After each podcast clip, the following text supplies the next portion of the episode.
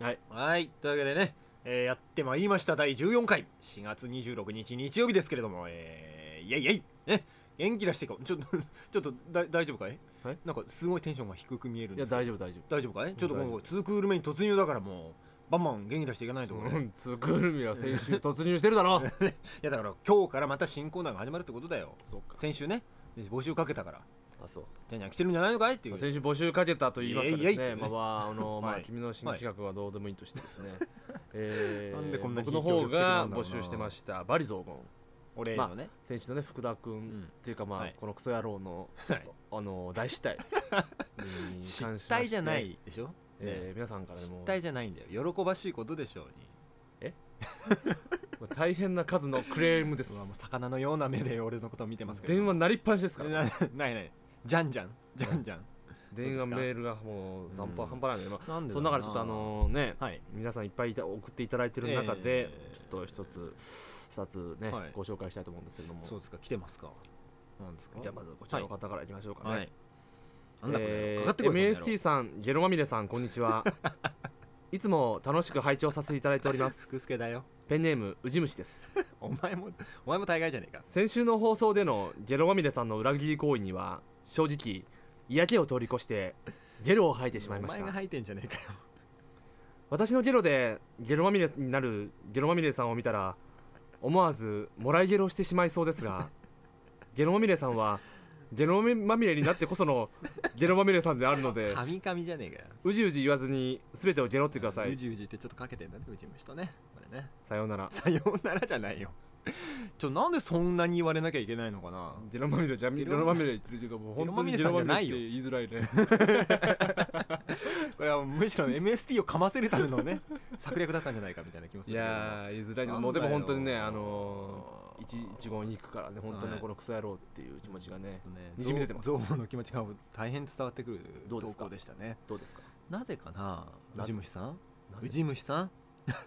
憎しみの連鎖からは何も生まれないんですよねうんまずはこの喜ばしい現実を受け止めて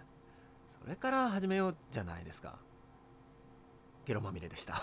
あそううん、 なぜなぜそんなにね、いやこれは本当やっぱなんていうかなゲロまみれさせられなければばならないのか俺がある種の裏切り行為ですよ ねいや別にこれが僕が裏切り行為って言ってるのは、はい君に彼女ができたことを裏切り行為だって言ってるわけそんなそんなねそんな心の狭い人間じゃないでしそんょな心の狭い人間じゃない MST さんはそんなこと言ってるんじゃないですよ皆さんね、ねえただそうなんですかあなたがなはんていうかこう、はいそのね喜ばしいい彼女ができたというね、はいこの春ですよ、うんはいそれに対してですね、うんなんていうかこう煮え切らない態度といいますかね我々に対するこう え配信行為といいますか何何煮え切らない態度っていうのはえどういうことなんかこうんうゲロってこないってことに感じ てもうゲロっとしてるわけですよ、うんゲロゲロゲロれとそうですよっていうことなのもっとゲロれゲロりなさいよってこそとうですよ、ゲロりゲロられうんやだよだからいろいろあるんだよ何がよいろいろあるってなんだそれはいろいろあるんだよそれは知らないよそんなことはねいや俺はもうなんていうの罪とバツコさんという仮名をずっと貫き通すよバツコちゃんバツコちゃんって言ってっから今後もこのノリヘみたいな顔しやがってノリヘじゃねえよおいノリヘかお前はこんにゃくのりかお前はだこんにゃくこんにゃくっていうのもよくわかんないけどね前から言ってるけどそれほらねちょっとじゃあ本当に外してないでくだこさいんなこんな投稿に負けずにちょっと元気よくいきますよ私はじゃあうわ三白眼で見つめてるなちょっとこんな、えーこんななんか死んだ魚の目をして俺を冷たく見つめている MST とですねえー そんなねそんなハイヒールのかかとで踏まれるよ踏まれるような仕打ちにも耐えて元気よく送り届けようとしている福助がさあ今週も行きま今しょ週うも行きましょうねどうぞ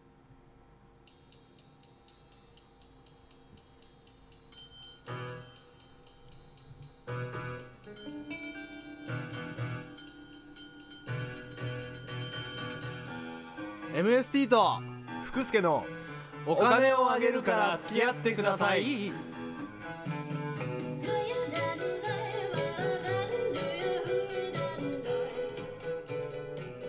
なんで今はい語尾上げ たの、いやなんか変化つけていかないと2クール目に突入ですから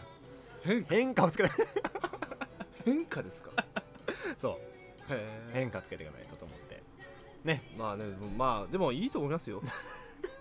何がねい何やが何がだってあれでしょ今日もこれからデートでしょ、えこれからデートでしょもう君がデートをしたいがために我々はもういい今んだよそういうことは獅子であラジオ収録をしてるわーけでもういしいょんだよそういうことは来週もなるべく会いたくないからやめよううぜしてるでしょやめようぜそういうのは 本当におとなしくなっちゃうから俺が しょしょぼーってしょぼくれちゃうからさじゃあ、ねちょっとあのーまあもう一通うん読みたいまだ来てんのバリゾーあれがあるので いいですか読ん本当で読すんでかも、あったよえーちょっととりあえず受け入れますよ甘んじて受け入れますよそんなのどうしようかな来てる以上はえーはいじゃあこちらにしましょうかおーはいえーなんでもラいいジですよオネーム、はいバレンシアオレンジさんかなだよ多分違うよペンネームあるよその 人他に最後についてるでしょついてるかなちょっと待ってあ あったえー、ペンネーム変態仮面さん からのお便りでした、はい失礼しましたごめんなさい、はい、福田さん先週の放送聞きましたありがとうございますがっかりですなんで私が福田さんにファンレターと使用済みマイパンティを送ったのは先々週でしたね来てないよそして福田さんがマイパンティを頭にかぶっている写メを私に送ってくれたのは先週でした送ってねえよあの時すでにあなたには恋人がいたと思うと裏切られたような気持ち でいっぱいです、はいさっきデスノートにあなたの名前を書きました死因は内緒緒です楽しみにしていてくださいねではお体にお気をつけお気をつけてねねペンネーム変態仮面と、死因は何なんでしょうね男じゃねえか って思うけどねいやいや変態仮面っていやいやいやいやもう女性ですよ裏若き女性ですよ間違いないですいやーすごいね憎しみの気持ちは人をなんかあれだねどうします面白くさせるね割と死んじゃう感じですけど何で死ぬんだろうなこれやだねなんか面白い死に方ありますかいや知らないよそんななんて書かれてるか知らないからそ知らないんなうんいやでもなんか面白い死に方あるでしないよ、ょないんですかうん、死ぬ時はもう至って真面目にもうここたつで丸くなって死ぬよ面白い俺はこと言えなくなっちゃったん ですか福田さんちょっとやめてくれるそういうの天才福田福助が面白いことを言えなくなっちゃったんですやかめてくれるそういうの戦う気はもう爪もなくなったみたいな言い方やめてくれるまあ本当に僕みたいなねクソ野郎はですよはいカミカミですよまあね噛んでるけどカミカミでそすれはし別に俺は責めないえそれ責めないよそれは俺は噛んでることはそうかいうんだから俺のことも責めないでほしいいやそれとこ持れちつとは話持ちつ持たれつでいきたい持ちつ持てつつちょっとうまいこと絡めてきたね 持ちつ持てつつでいきたい憎らしいわそういうほほのんそういうの憎らしいわほほほほ死にたくないよ俺はまだ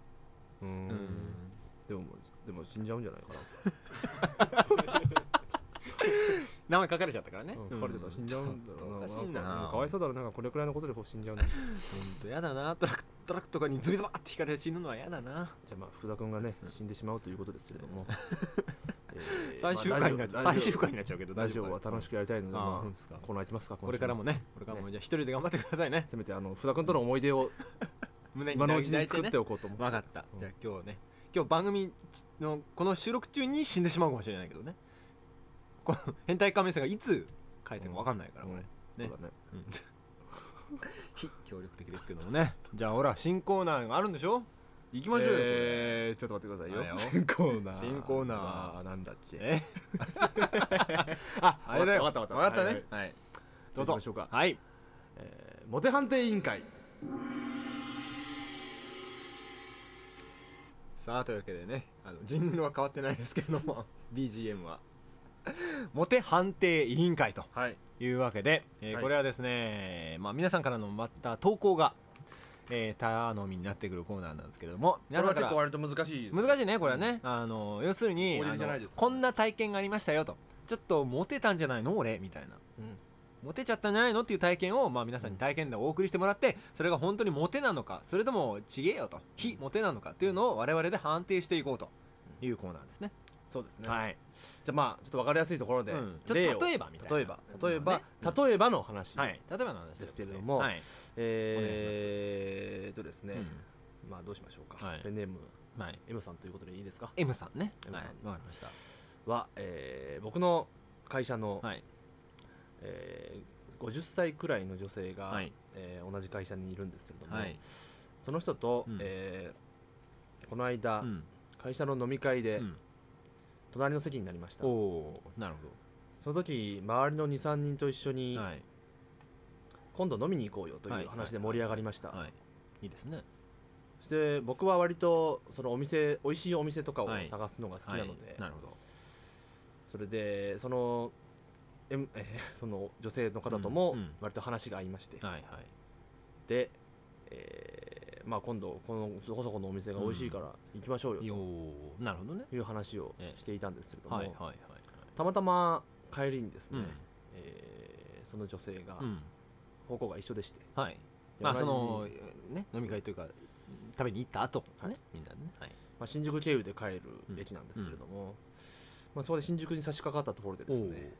えーその女性が私にですね、はいはいえーこの新宿のホテルに美味しいカフェがあるから今から行かないか 夜の11時半だったんですよじゃあじ いい時間でもと言われまして、えおほほほほー とおーいとびっくりだっていうことでですね、はいえーまあちょっと終電なくなっちゃうんで、ね 今日はちょっとと今日はいうちょこっととでまあダッシュで逃げましたけれどおもーとまあ例えばこういう話なるほどこれがね、はいはい、これが MST さ んの話だわけだね50歳ぐらいの、 50歳くらい、えー妙齢の女性にえー、これどうですかこれこれはね怖いですよこれこれは怖いですダよメですそんなこと言ったらなんでそんなこと言ったら聞いてるかもしれない聞いてましたよねホテルのカフェにホテルのホテルのカフェにね11時半ぐらいにうん行かない、まあ、カフェっていうか、まあ、カフェバーだカフェバーェね、お酒が好きな人なんはいですね、はいはいはいはいはいちょっとねそれはドキドキしちゃうよねそうそのその女性の方はあの、旦那さん亡くされてまして、 えーあちょあーなるほどねど今はまあ独身なんですけはど、いはいはいはいはい非常にもねなんちてょいっうんとですかもうそれはあれだよ受け入れてやりなよ ついていっちゃえよこの女性のうん後日談で別の話がありまして、もうおこれもう僕の話ってことなんですけどもう全然はいあのーエレベーターで一緒になりましてね、うんで僕その時あのーへあのー会社の机の整理をしてまして、はいで書類とか溜まってたんで、うんあーもう捨てようと思って、うんなんか結構持って縛たそうはい縛って、持まっあ、てた両手に持ってたうんですけど、はいはいはいでそれを降りてる時に、まあ、ゴミ捨て場に行く時に途中でその女性が入ってきまして、はいあら重そうねっつ ってなんか似合うわよねあなたそういう方感じがあってはいあそうですかどうなんでししょうねっつって、 いやこれこのこの観光似合うってどうなんでしょうねって言ったら、それは私の最高の褒め言葉よ っていっちゃえよついていっちゃえ怖いよでしょついていっちゃえよ怖いでしょもこれこれどうで しょうモテ モテ認定うドーンモテ認定ああこのこれこれだこれの使いこ方れの使い方このがためにねこのためにね用意したと言っても過言ではないねこれだこれのためだったんだねたまたまたまたまですよあこっれたけどもあったけどこれだこれだねこれこれがモテ認定の例ですから例ですね例えばこ れですこれはもうついていきましょういいやでも怖いいですね次これ回はついていきましょうですからこれはい、じゃあはいちょっとまあ一般公募のやつを聞いてはねいそうですねはいこんな感じの投稿募集しますということでじゃあちょっといいつ来てるやつをね、えー紹介していきましょうペンネームガラパゴスイッチさんからの投稿ですけれども、えーうちの職場のファックスの近くに座っている経理の N さんがかっこ42歳独身、えー他のおっさんの分には見向きもせず俺の分のファックスだけ持ってきてくれますこれってモテてるんでしょうかというねいやー微妙なところですねですけれども これはね意識しすぎでなんじゃないのこれ、うんこれ実施過剰な部分もありますよねえた多分ねこいつがその時たまたま忙しかった時なんじゃないのあー仕事忙しそうに見仕えた事から、うん、で割とその忙しい職種だってこと分かってるからそうそうそうそうこれなんか緊急なんじゃないのみたいな、うんまたお前お前がたまたま取引先が多かったんだろうっていうその 時ワックスをやり取りするような仕事が多かったんだろうっていうあそうかもしれないですね、うんでもこれちょっと気になりますよねうんこのね他のおっさんの分には見向きもせずっていうのはね、うんうん多分主観だねこの人主 この人主観主観ですよお前そうです うん平等に渡してるよきっとそうかもしれない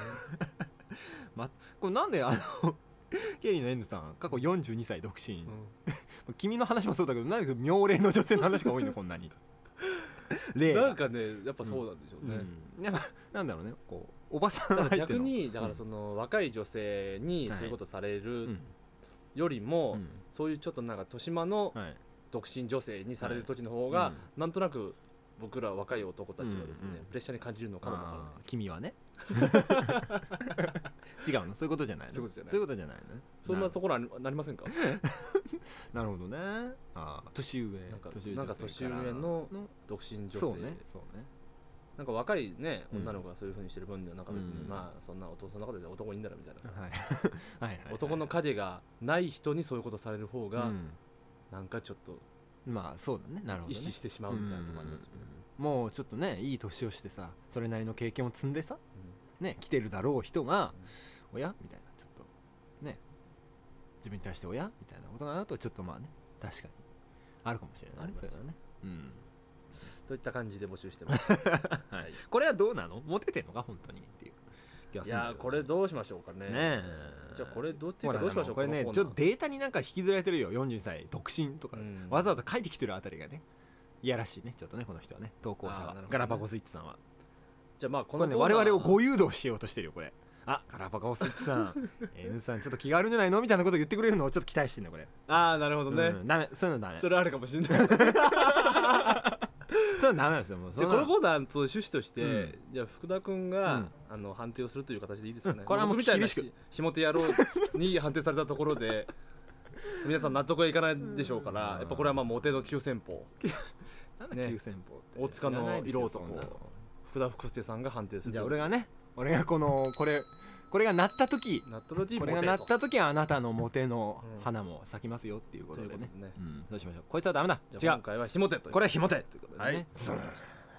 ということでじゃあこんな感じでねこんな感じで募集していきたいと思いますからはいこれどうでしょうねこのコーナーこのコーナーいけるんじゃないでもまあまあうんなんかどんだけこう妄想を膨らませられるかということだよねうんじゃあちょっと次のコーナーでいいかいうんはいはいじゃあ次のコーナーはい大丈夫ですか分かってますかはいじゃあ次のコーナーはこちらです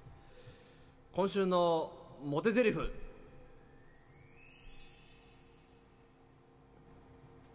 さあというわけでジングルも新しくなりましたけれど君もがやりたくてしょうがないかったこのコーナーですけどそうだね、ううんん、これはどういうコーナーかと言いますとなんかまあこのね私と MST の声がいいという評判が一部リスナーから寄せられまして、彼女違うよそうだよ違うよ えどっちだからこういうところうでんちゃんとさシャキと言わないがいや違うなら違うでいいし、そうならそうってシャキと言ってくれればはい僕らもまあこれをゲロまみれとうんなかるほさ言わなくても済む わけだじゃあそうですよあそうなんだそうですよ、へえでもねただそんなさだからなんかその声の良さをうん生かしたこんなセリフを言ってほしいみたいな2人に、うんっていうのをあのママイク元でささやくとうんいうコーナーなんですけど、うん皆さんからねこういうセリフを言ってほしいっていうのを募集して、うんでもさ、まあ、単にそんなさ、うん燃えるセリフを言ってもしょうがないでしょ面白くないから、うんなんかちょっと面白いね一癖あるそうそうそうそうなんでこれをいい声で言うのっていううんものをぜひ送ってきてほしいよねっていうそういうコーナーですよ、ああ、はいわかりました、はい、なので、まあ、今日はちょっと例をね、うんえー言っていこうじゃないですかああわかりましたはいまあ、ちょっとあの、えーまあ、身内も含めて募集して、えーこんなセリフっていうのを募集してますんで来てますんでそれを最初言っていただきたいなと思うんですけどもちょっとねこれあれだよねあの声質が似てるとかってそうよく似てるってよく言われるるじゃんで自分でも聞いててちそょうっと自分で分かんなくもなる聞いでしょてて途中で俺これどっち行ってんだっけっていう時はたまにそれはないと思うちらっとね被るとはあるんだよねああはいはいはい、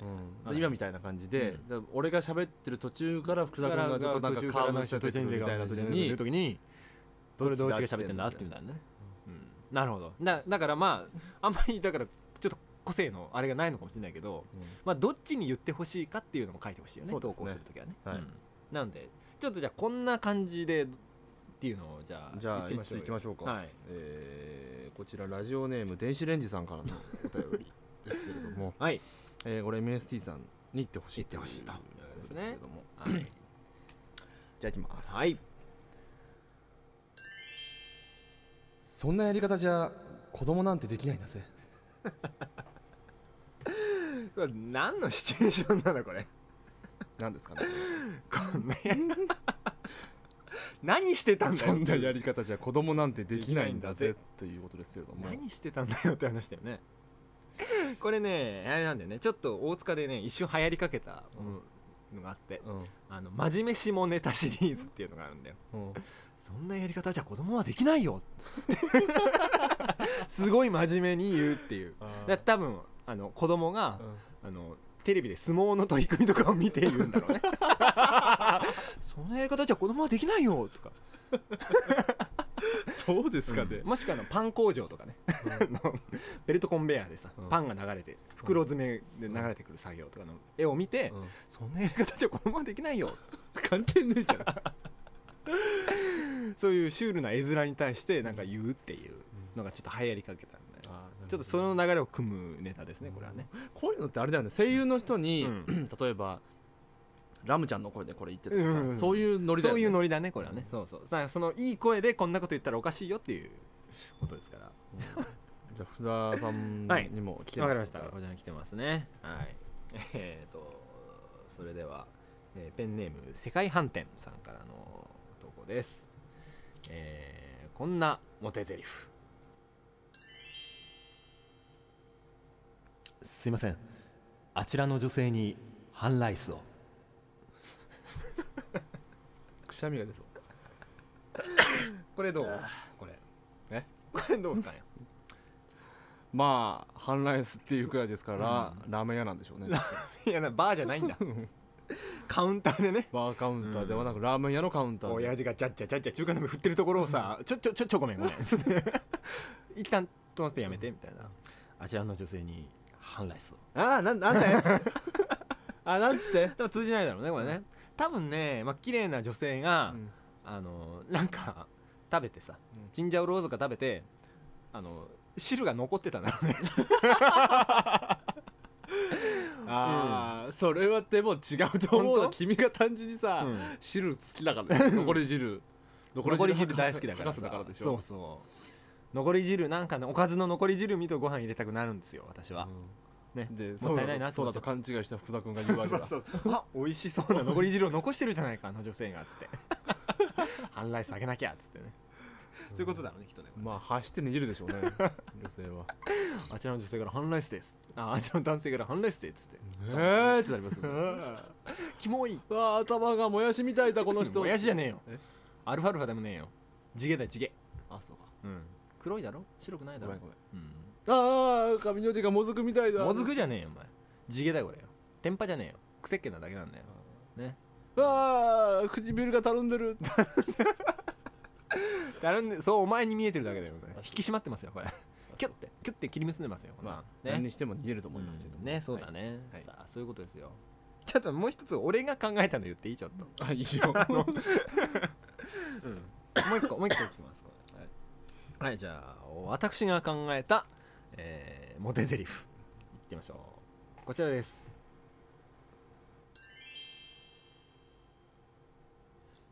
君のゆで卵の剥き方が一番綺麗だよ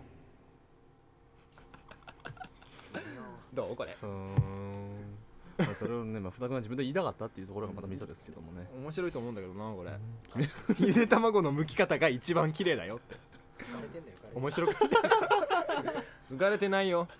ネタとしていいと思うよこれうーんこれよくないちょっとまあらしい よねあ俺らしいってこと、だって何褒めてんねんっていうでもなんかゆで卵の剥き方が一番綺麗だよっていう言い方、でもちょっとセクシーな感じもしますねでょしょいやでもプリッとした感じそうそうそうそうそううん物がねプリッツとルしてツるルもっんとだかしてらるかさらなんかうまく剥けるとやっぱプリッて抜けるじゃん、うんあれなんか綺麗な指で剥いてほしい気がしますねそううんプルプルっていう感じがねなんかちょっとあのさ指の先にちょっとピンクい感じの、うんちょっとあのー白い手の女の子が、うんあのお湯お湯っていうかな、はいはい水仕事した時にちょっとピンクになるあ,、ああちょっとね、の感じの手で剥いてほしいですね、いっいですねそういうのねていう話の持ってき方でもいいですあかあいいよいいよ あ合ってる合ってるこ合れってま全然間違ってない大丈夫だよ大丈夫自信持ってあありがとう これちょっと時間なくなってきちゃったねこれね意外とねそうだねあと5分ぐらいじゃないですかどうしますねどうしましこょんなう丸々持てないやりまこすかんな丸は丸は持てないまあじゃでも一応1個か2個は読む一個か二個は読みますか1個か2個は持てない、はいでまあちょっと言っちゃったけど、えーじゃあこんなタイトルお願いしますこんな丸々は持てない